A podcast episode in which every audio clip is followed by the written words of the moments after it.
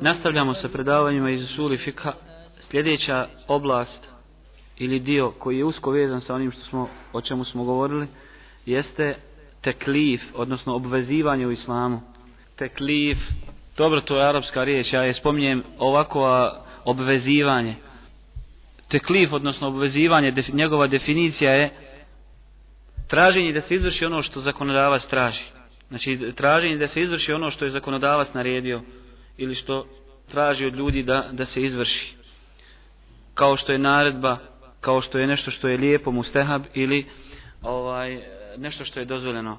Da bi čovjek bio obavezan i da bi bio obveznik, odnosno mukellef u islamu, postavljaju se neki uslovi. Mi ćemo te uslove podijeliti o, na uslove koji se vežu za sam postupak i uslove koji se vežu za samog njega kao činioca, odnosno obveznika.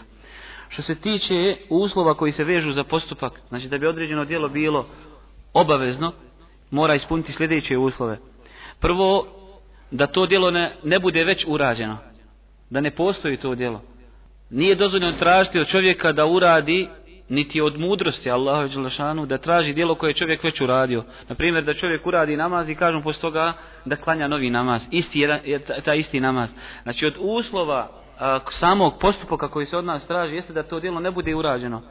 A urađeno djelo, kada bi se zahtijevalo da se učini, onda bi to bilo postizanje već postignuto. I to se kosi sa mudrosti Allahovom Đalašanu. Drugi uslov a, kod samog postupka jeste da bude poznat, da bude poznata njegova suština. Nije dozvoljeno tražiti od čovjeka da uradi postupak koji mu je nepoznat, čija mu suština nepoznat. Kaže, klanjaj. On pojma nema šta je namaz. Ili daj zekat a on nema veze ni šta je zekat, a kamol da zna njegove detalje, njegov, njegove ovaj, sastavne dijelove i tako dalje. I treći uslov jeste da taj postupak bude moguć. Da Allah Želešanu traži ljudi nešto što je moguće. Da ne traži nešto što nije moguće. E, za, ovja, za ova tri uslova vežu se još neke stvari koje ćemo pojasniti, a to je prva stvar, e, da li šerijat uslovljava za izvršenje određenog postupka mogućnosti kod osobe. Nema sumnje i Islam je to jasno pojasnio i dao je svoj stav po pitanju mogućnosti. I ne traži da se izvrši jedan postupak osim u okviru mogućnosti. Dokaz za to jesu riječi Allaha Đelešanu la yukellifu Allahu nefsan illa usaha Allah čovjeka ne opterećuje preko njegove mogućnosti zatim poslanik sa selemu hadisu koji bilježi Buharija od Imrana ibn Huseina da mu je rekao salli qaimen fa in lam tastati fa qaiden fa in lam tastati fa ala jambin wa illa fa awmi kaže klanjaj stojiški ako ne možeš onda sjedeški ako ne možeš onda na boku ako ne možeš ni to onda samo pokazivaj čini se arete to jest očima kada bude sežda malo ćeš više ispuštati očne kapke Ovo je dokaz da se a, e, izvršenje određenog postupka uvjetuje čime? Mogućnošću. I ne samo to, draga braća. Šerijet ide i dalje. Šerijet znači ne traži od čovjeka da po svaku cijenu uradi postupak kako je u mogućnosti. Jer ovdje je pitanje ako je čovjek u mogućnosti da izvrši određeni postupak, da li ga po svaku cijenu mora izvršiti? Pa makar, makar ga ovaj zadesila šteta. Šerijet takvu osobu smatra kao onu koja ne može da izvrši postupak. Ako čovjek, ako će čovjeka izvršavanje određenog postupka, može izvršiti ga, ali će ga odvesti velikoj šteti, u tom slučaju je on kao onaj koji ne može izvršiti. I, i, i Allah Želešanu sa njega skida odgovornost. Naprimjer, abdest. Korištenje vode prilikom abdesta. Čovjek, znači u stanju, nije, nije može, može koristiti u vodu, ali će ga korištenje te vode odvesti bolesti. U tom slučaju Allah Želešanu sa njega, kao da nema vode, skida sa njega obavezu. Ili stojanje. Čovjek može stojati u namazu. Može, ali će se umoriti. Allah je Lešanu bi dozvolio da sjedne i da, da namaz obavlja sjedeći. I mnoge druge stvari. Znači, nije šerijet samo nama ovaj uvjetovo da možemo nešto uraditi. Nego gleda se na to da li, je ta, da li ta mogućnost vodi šteti. Ako ta mogućnost izvršavanja vodi šteti, Allah Želešanu nam je, nas smatra, odnosno u, u, u ovoj situaciji, kao onoga koji ne može izvršiti nikako. Sljedeća stvar, jeste koja je tu vrsta postupaka kojim, kojima smo mi u pošerijatu zaduženi. Postoji četiri vrste postupaka po kojima smo mi zaduženi i za koje ćemo biti pitani i za njihovo ostavljanje smo grešni. Prva vrsta to su jasni postupci, kao što je namaz. Jasan postupak kao što je namaz. Druga vrsta postupaka kojima smo zaduženi su riječi. I za njega ćemo biti pitani. A dokaz za to jesu riječi Allaha Đelešanu, Zuhru fel kauli gurura, ولو شاء الله ما فعلوه kad govori o tome da je Allah Đelešanu svim poslanicima učinio neprijatelje između ljudi i, i šeitana i da su jedni drugima objavljivali lijepe riječi kako bi jedni drugi je zavodili i na kraju kaže zaduženi i koji smo obavezni izvršiti. Rekli smo prvo jasni postupci, to je kao primjer namaza. Drugi, druga vrsta postupaka jesu riječi. A dokaz da su riječi postupci da se, da se, da se uzimaju u obzir jesu ove riječi Allaha Đelešanuhu وَلَوْ شَاءَ اللَّهُ مَا فَعَلُوهُ A da je Allah htio oni ih ne bi uradili, ne bi učinili. A gore se spominje, već smo spomenuli u, u početku ovog ajeta, da su jedni drugima objavljivali a lijepe riječi kako bi jedni druge zavodili. A na kraju ajeta kaže da je Allah htio ne bi to radili. Šta radili? Izgovarali te riječi. Prema tome, znači, izgovaranje riječi je postupak. Kojeg, koji se u šerijetu uzima u obzir. Treća vrsta postupaka jeste ostavljanje.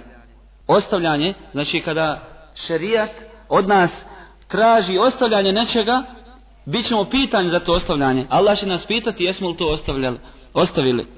A dokaz da je i ostavljanje postupak koji se u šerijatu smatra odgovornim, za koji će čovjek biti pitan i odgovoran, jeste jesu riječi Allaha Đelešanu kanu la jetena hauna an munkerin fa'aluhu le bi sama kanu jef'alun kaže oni nisu jedni drugima zabranjivali zlo a i sami su ga radili a ružno je to što su učinili iako oni u suštini ovdje nisu ništa učinili nego su ostavili naređivanje dobra a odraćali od zla znači ostavili su to a i, i pored toga Allah kaže ružno je to što su radili prema tome to se u šarijetu smatra postupkom to njihovo neostavljanje smatra se postupkom i čovjek će biti za njega pitan.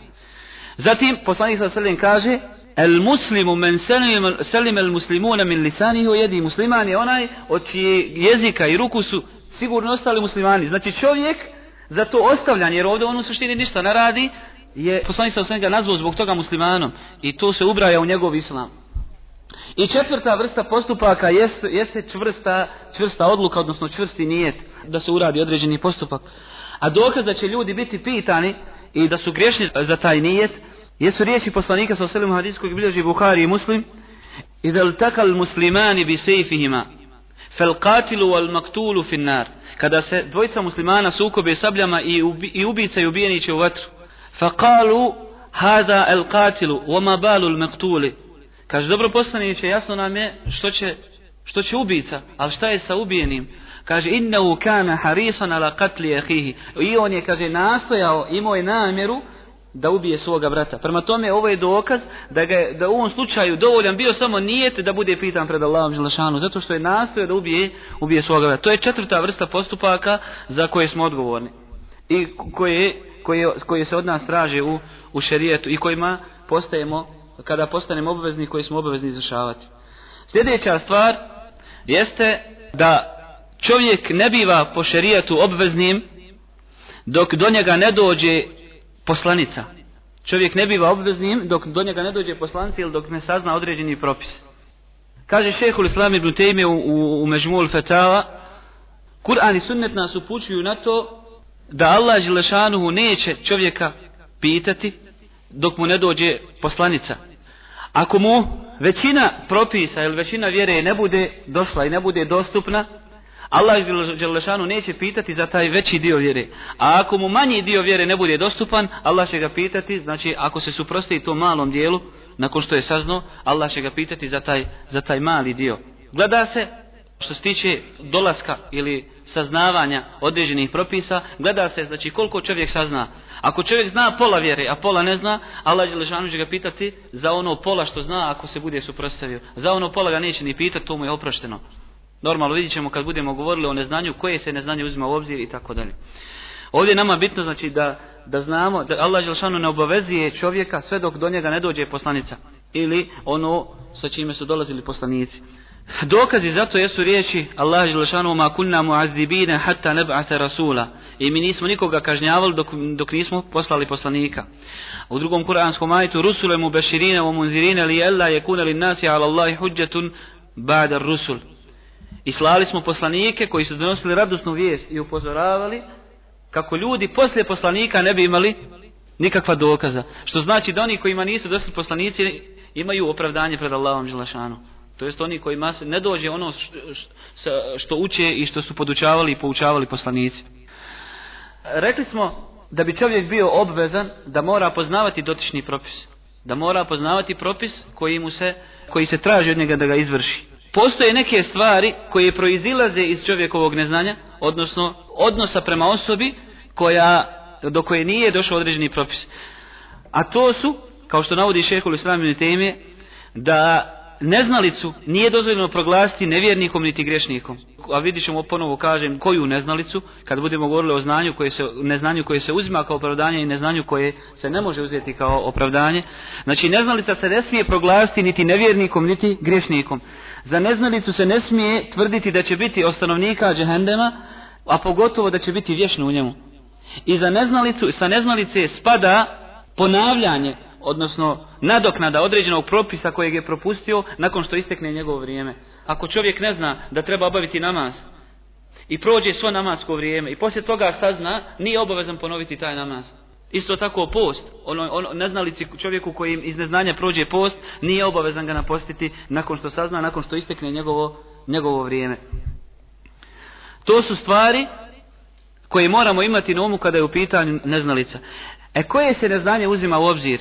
Kada kažemo za čovjeka da ima opravdanje neznanjima, kada postoje dvije vrste neznanja. Prva vrsta jeste neznanje za koje se ima opravdanje pred Allahom Đelešanu. A to je da čovjeku ne dođe, da čovjek ne zna ništa o, o vjeri, da do njeg ne dođe nikakav, da niko ne dođe da ga upozori i ne uputi na, na vjeru. Ili dođe do njega vjera, međutim on je ne može shvatiti, kao što su stariji ljudi. Može doći do čovjeka vjera, ali ništa ne shvata ili izgubi pamet ili ili ovaj kako se to kaže kod nas posenili i tako dalje. Znači u tom slučaju ima opravdanje za svoje neznanje. S time što ova kategorija koju smo sad spomenuli, čovjek kojim dođe islam, ali ne bude ga razumio, će biti iskušan na sudnjem danu, tako što će mu Allah vratiti pamet među ostalim kategorijama koji se navode, među luđakom, gluhonijemim, i reći će im da uđu u džehennem i ako budu poslušali, naći će ga spasonosnim. njim. Jer tada će im Allah vratiti te, te osobine zbog koji čovjek biva obvezan. Ako izvrše, tada znači da bi i na Dunjaluku da im je Allah dao te osobine izvršili. Ako ne izvrše, znači da na Dunjaluku ne bi izvršili. Allah Želešanu nikome neće nepravdu učiniti. I druga vrsta neznanja jeste neznanje za koje čovjek nije, nije, nema opravdanje pred Allahom Želešanu. A to je da, da bude u mogućnosti da nauči, a ne nauči. Bude, ima mogućnosti i intelektualne mogućnosti i mogućnosti sa strane postojanja ljudi koji ga mogu podučiti, međutim on je lijen i uopšte se za tim ne interesi. Za takvo neznanje čovjek nema, nema opravdanja. Poslije toga prelazimo na uslove koji su vezani za samog počinioca. Ovo su bili uslovi vezani za postupke. Kada čovjek biva obvezan po šerijetu, pa smo rekli da postoje uslovi koji su vezani za postupke i uslovi koji su vezani za samog počinioca ili činioca ili obveznika. To su dva temeljna uslova da bi čovjek bio obavezan po šerijetu da izvršava ono što se traži u vjeri postavili se dva temeljna uslova a to je da bude razuman da ima da posjeduje razum odnosno pamet da ne bude luđak i da razumije ono što mu se govori da može dosegnuti i shvatiti ono što mu se što mu se govori to su dva temeljna uslova za koja se za koje se vežu svi ostali uslovi i ovaj kojima se analogno pridružuju još neki, još neki faktori za koje čovjek ne biva obavezan pred Allahom Đelešanu i zbog kojih ne biva obaveznim. Da bude pametan, znači da, ne, da ima osnovu pameti, da bude u osnovi razuman, a drugo da može razumjeti ono što mu se govori, da može ovaj inte, intelektualno pojmiti ono što mu se govori. Mislimo na njegov vlastiti jezik. Jer Allah je Lusano nije slao ni jednog poslanika osim na jeziku njegovog naroda. Što se tiče, ovo su znači bila dva uopštena šarta, sada ćemo nešto detaljnije kazati. Što se tiče luđaka, nema razilaženja islamskim učenjacima da sa njega spada odgovornost. Znači luđak, da sa njega spada odgovornost i da sve postupke koje čini neće biti grešen pred Allahom Đelešanom. I da ga Allah Đelešanu neće pitati za sve postupke koje uradi u stanju ludila, znači gubitka pameti. A dokaz zato su riječi poslanika u hadijskoj bilježi Abu Daud, Tirmizi ibn Mađe, a šehhul Albani ga je ocjenio vjerodostojnim, Rufi al kalemu an salasin. Znači, Allah Žilešanuhu je digao pero sa trojici. I jedan od te trojice je wa anil mežnuni hatta yufika wa fi rivajetin hatta ja'qil. Kaže poslanik sa selem i uh, jedan od te trojice sa koji je dignuto pero jeste luđak dok mu se ne vrati pamet ili dok znači ne postane ponovo razborit. Zatim imamo e, kategoriju dječaka ili djeteta. Da li je dijete obavezno po šerijetu? I da li se njegovi postupci pišu? Poznato je isto tako da znači, dijete nije obvezno i da njegovi postupci do punoljetnosti se ne smatraju punovažnim.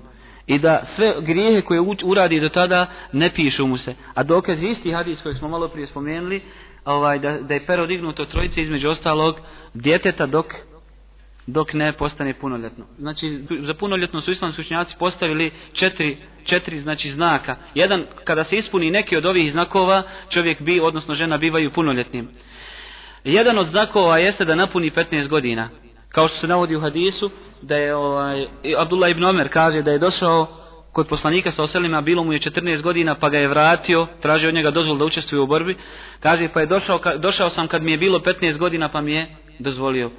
To je dokaz koji islamski učenjaci uzmaju da je 15 godina jedan od, od dokaza punoljetnosti. Zatim od dokaza punoljetnosti jeste da se pojave oko polnog organa dlake kod muškarca ili kod žene. Treći znak jeste da čovjek, odnosno žena, poluciraju usnu, da se pojavi e, sperma. I četvrto, koje je svojstveno samo ženi, a to je da se pojavi kod nje menstruacija, čišćenje, menstrualni ciklus. To su bilo koji od ovih znakova da se pojavi kod osobe biva biva punoljetnim. E što se tiče, znači ovdje smo spomenuli luđaka i i dječaka, dijete. Dijete bez obzira da li se radilo o djetetu koje ništa ne razumije ili dijete koje već kuži stvari, ali ne broje se njegovi postupci sve dok ne do, dostigne punoljetnost, jer njegov, njegov razum još nije na stepenu da potpuno može razlučiti šta je ibadet, šta je korisno i šta je štetno. A što se tiče luđaka i djeteta, oni nisu grijesni pred Allahom Želešanu. Međutim, ne dozvoljava im se da čine štetu. Ako bi dijete ili luđak učinili štetu, ta se šteta a, nadomiruje iz imetka njihovog staratelja. Ako bi učinili bilo kakvu štetu, ili ako bi učinili neki munker, zlo, na putu, neće im se dozvoliti. Neće se ni, znači, ni luđaku dozvoliti ako bi stao na putu i, i, i činio zinalog. Zabranit će mu se, mada on nije grešan za to ali zabranit ćemo se zbog, zbog toga što šerijat zabranjuje te, eh, te grijehe eh, uopšteno. Nije zabranio samo određenim kategorijama ljudi.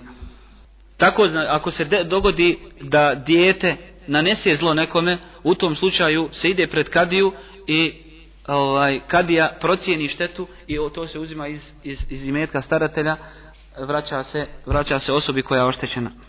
Zatim, sljedeća stvar jeste da li su griješni onaj koji pogriješi, koji nešto uradi iz pogreške, zatim spavač i onaj koji nešto uradi iz zaborava. Nema razilađenja islamskih učenjacima da ove osobe, sve, sve tri osobe koje smo spomenuli nisu griješne za postupak kojeg urade. Rekao sam koji nešto iz pogreške uradi. Greškom uradi. Hataan. Naprimjer, ubiješ, ubiješ čovjeka pogreškom. Ne nam je. Pa jest. Po, a znaš šta je pogreška? Allah to u Kur'anu spominje ko ubije mu'mina nenamjerno ili pogreškom. Čisti pušku i ubije čovjeka, nije imao namjeru da ga ubije.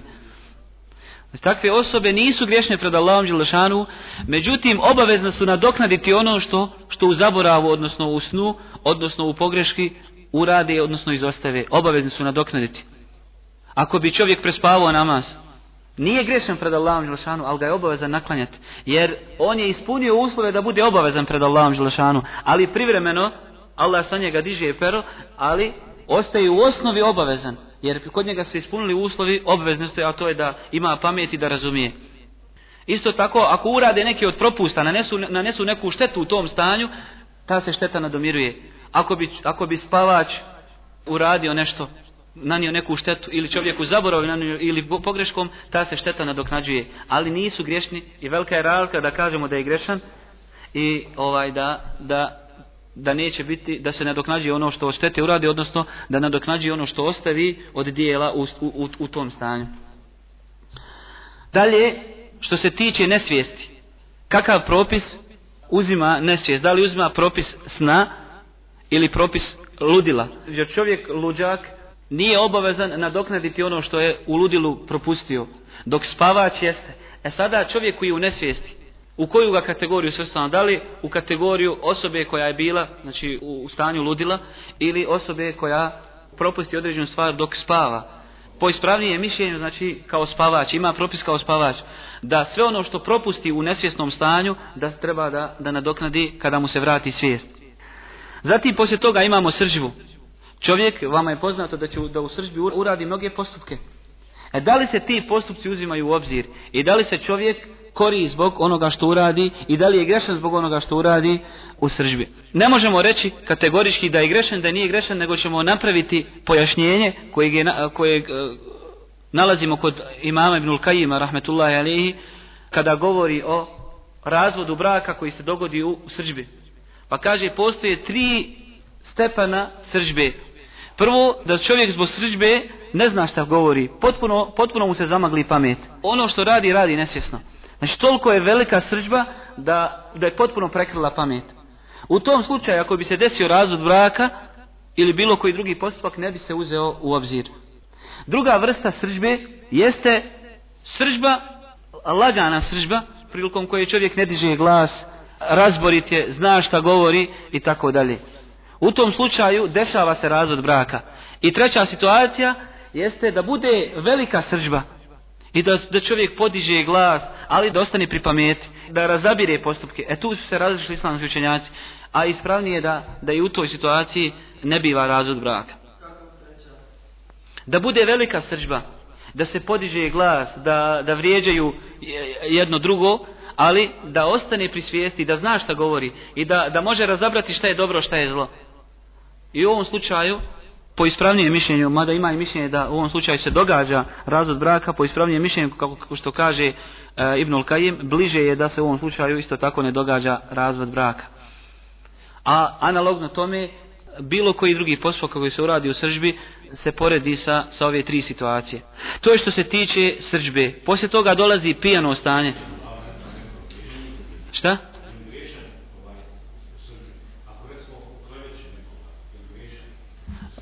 vraća se nove tri kategorije. Vraća se nove tri, tri vrste srđbe.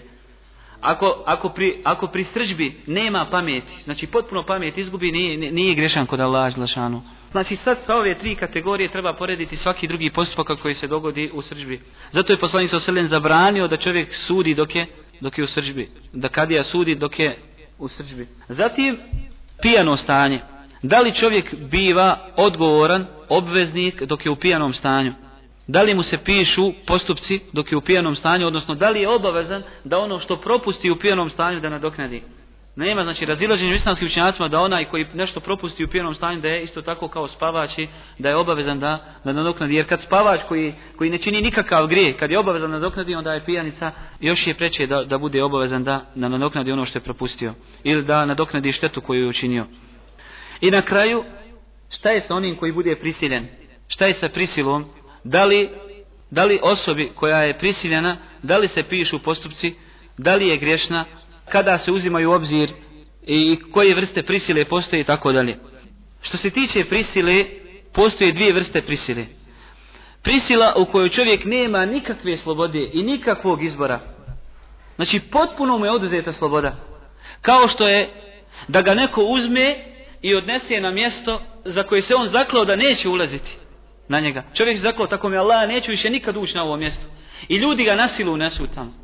Znači uhvate ga dvojica, trojica i odnesu ga nasilu. Nema nikakve slobode, ne može, ne može se nikako duprijeti. Zatim silovanje žene, ne uzbila da nas Allah sačuva. Žena koja bude silovana, nema nikakve slobode u onome što joj se dogodi. Kažu islamski učenjaci da u ovom slučaju osoba nije griješna. I da neće biti pitan pred Allahom za ono što joj se, što joj se uradi. Čak, znači, u ovom slučaju osoba učestvuje u grijehu, ali potpuno mu je oduzeta sloboda izbora. I druga vrsta prisile jeste da čovjek ima nekih mogućnosti, da mu nije potpuno oduzeta sloboda, kao što je prijetnja, kao što je mučenje, kao što je udaranje i tako dalje. U ovom slučaju, ako bi čovjek prijetnjom, udaranjem ili mučenjem bio prisiljen na određeno djelo, šta je sa njim? Da li je grešan pred Allahom ili nije grešan? Tu trebamo da znamo da postoji prisila na riječi i prisila na postupke. Što se tiče prisile na riječi, čovjek neće biti griješan pred Allahom Đelešanu. Da ga znači prisile udarcima da kaže da on nije musliman. Da ga prisile riječima da kaže, samo da riječima kaže, da u srcu ostane musliman. Ili da ono što se dogodilo Ammar ibn Jasir, da je pohvalio božanstva mušika. Kada su ga mučili, onda je došao poslanik sa oselem i plakao i poslanik je rekao, ako te budu, ako budu ponovo to uradili, vrati se i učini istu stvar. I onda je objavljen ajet, oni koji, koji učini je kufr, ali su u srcima smireni sa imanom, da je Allah Želešanu znači, neće, neće pitati zbog toga. To je što se tiče prisile na riječ i postoji prisila u postupcima. Što se tiče prisile u postupcima, ona se dijeli u dvije vrste.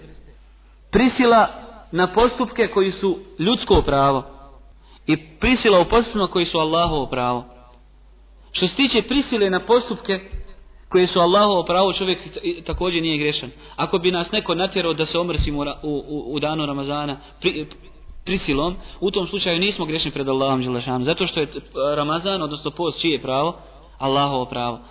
Međutim, ako bi nas neko prisilio da ubijemo nekoga, Ovdje se radi znači, o prisili na postupke koji su čije ljudsko pravo. Ako bi nas neko prisilio da nekog ubijemo i zaprijetio nam da će nas ubiti ako mi njega ne ubijemo, u tom slučaju smo grešni pred Allahom ako bismo ga ubili.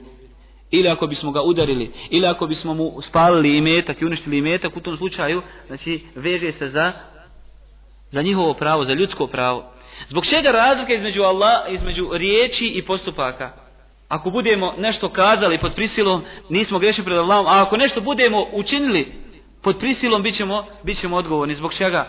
Zbog toga što šteta koja nastaje riječima može se otkloniti. Čovjek kaže nisam musliman, na primjer nakon dva tri dana kaže da je musliman. Dok šteta koja nastaje postupcima ne može se otkloniti, ubiješ čovjeka, ne možeš tu štetu otkloniti. Čovjeku spališ i metak, ne možeš, ne može, ta se šteta ne može otkloniti. Zbog toga se pravi razlijed među prisile u riječima i prisile u, u postupcima. To je što se tiče obvezivanja u islamu.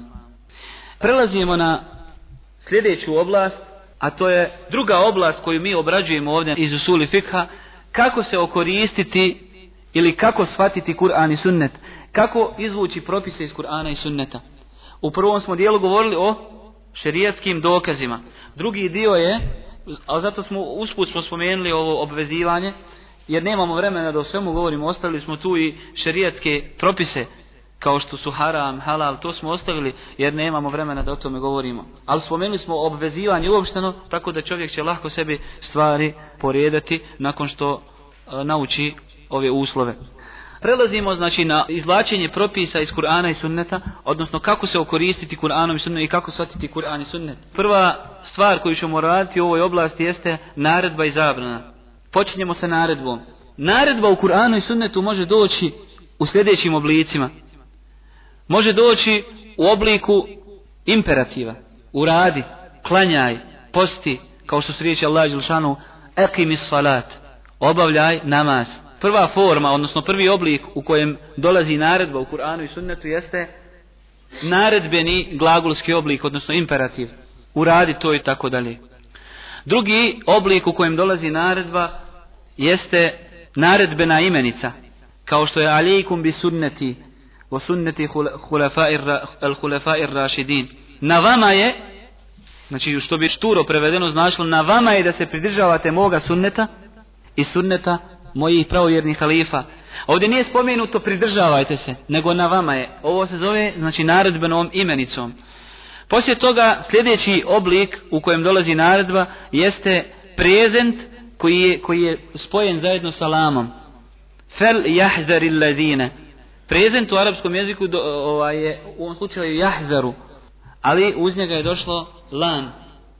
Prezent sa kojim dođe lam smatra se naredbom. Fel jahzari ladine. Neka se pripazi. Neka uradi to i to. I četvrti vid naredbe jeste glagolska imenica koja obavlja radnju samog glagola kao što se riječi Allah Đelešanuhu, fedar ber rikab. Fedar ber rikab. To je glagolska imenica. Znači imenica koja je izvedena iz, iz glagola. U ovom slučaju se ne spominje glagol, ali se spominje imenica koja obavlja radnju koju obavlja glagol. U ovom slučaju je fedar ber rikab. Darb znači udaranje. Pa neka bude udaranje njihovih vratova. Allah naređuje i neka bude udaranje njihovih vratova. Nije rekao udarite njihove vratove nego udaranje njihovih vratova. Znači u ovom slučaju glagolska imenica obavlja radnju, obavlja radnju koju obavlja glagol i ovo se smatra naredbom.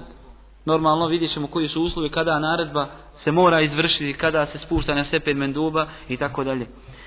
Kada naredba u Kur'anu i sunnetu dođe bez ikakvih pokazatelja, bez ikakvih sporednih e, stvari, da li sama po sebi upućuje i traži izvršenje onoga što se što, što, što dolazi u toj naredbi. Dolazi naredba u Kur'anu i sunnetu kao što je uradi, učini to i to. I nemamo ništa pored te naredbe što nas upućuje da je to obaveza. Da li sama ova naredba od nas traži da izvršimo ono što je došlo u toj naredbi?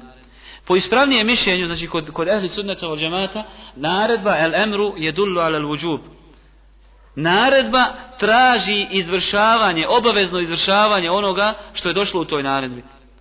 Kad kaže Allah Želešanu, وَاقِيمُ salat, Obavljajte namaz. Ovo je naredna forma, naredni oblik. Allah naređuje. E da li ta naredba se mora sprovesti?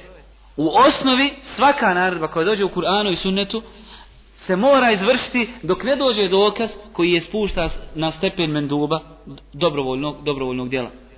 Dokazi za to su riječi Allaha Želešanuhu فَلْيَحْذَرِ الَّذِينَ يُخَالِفُونَ عَنْ أَمْرِهِ Neka se pripaze oni koji, se, koji suprotno postupaju njegovoj naredbi. Znači da sama naredba poslanika sa oselem biva od nas traži da je izvršimo. A dokaz je što je Allah ukorio one koji se suprostavljaju naredbi poslanika sa oselem. Kaže neka se pripaze oni koji, se, koji suprotno postupaju naredbi njegovoj. Drugi dokaz jesu Riječi poslanika sa oselem, leula en ešuka la ummeti la mertum bisivaki ma kulli salat. U drugom rivajetu ma kulli vudu, u trećem rivajetu inde kulli salat. Kaže da neću otežati svome ummetu, naredio, naredio bi im da koriste misvak prije svakog namaza. Znači da je misvak dobrovoljan. Ali da ga je poslanik naredio, bio bi obavezan. Jer kaže da je neću te naredio bi im. Znači, kada, kada, kada bi im naredio, morali bi ga činiti i bio bi im težak. To je suprotno shvatanje iz ovoga, iz ovoga hadisa. Od dokaza da, da naredba upućuje i, i traži izvršenje onoga što se u njoj, što u njoj dolazi, jesu jeste konsenzus ashaba radijallahu anhum, koji su postupali po svim naredbama koje su došle u Kur'anu i sunnetu bez pitanja šta se mislo s tom naredbom. Svaka naredba koja od njih dolaz, koj, njima dolazila od Allahovog poslanika i od Allaha prije toga, oni su izvršavali, nisu pitali šta se misli, je li to se misli na pravu naredbu ili na, na naredbu kojom se hoće da se ljudi postaknu na činjenje određenog djela. I na kraju, znači sam arapski jezik na to ukazuje, U arapskom jeziku kada bi rekao čovjeku, kada bi otac rekao sinu, donesi mi vode, to znači naredba. I ako ga ne bi poslušao, ovaj dolikovalo bi da, da se ukori, da se da znači da se ukori zbog toga što ga nije poslušao. A to je to je upravo na, na to upućuje arapski jezik kada se u arapskom jeziku kaže ifal keza uradi to to za sobom povlači obavezu izvršavanja. Toliko za današnje predavanje. Sutra ćemo nastaviti sa još nekim stvarima vezanim za naredbu, posle toga zabranu i zatim za has i am, opšti i poseban tekst. I na kraju ćemo govoriti, inša Allah, kao što smo rekli, o uslovima vezanim za ištiha.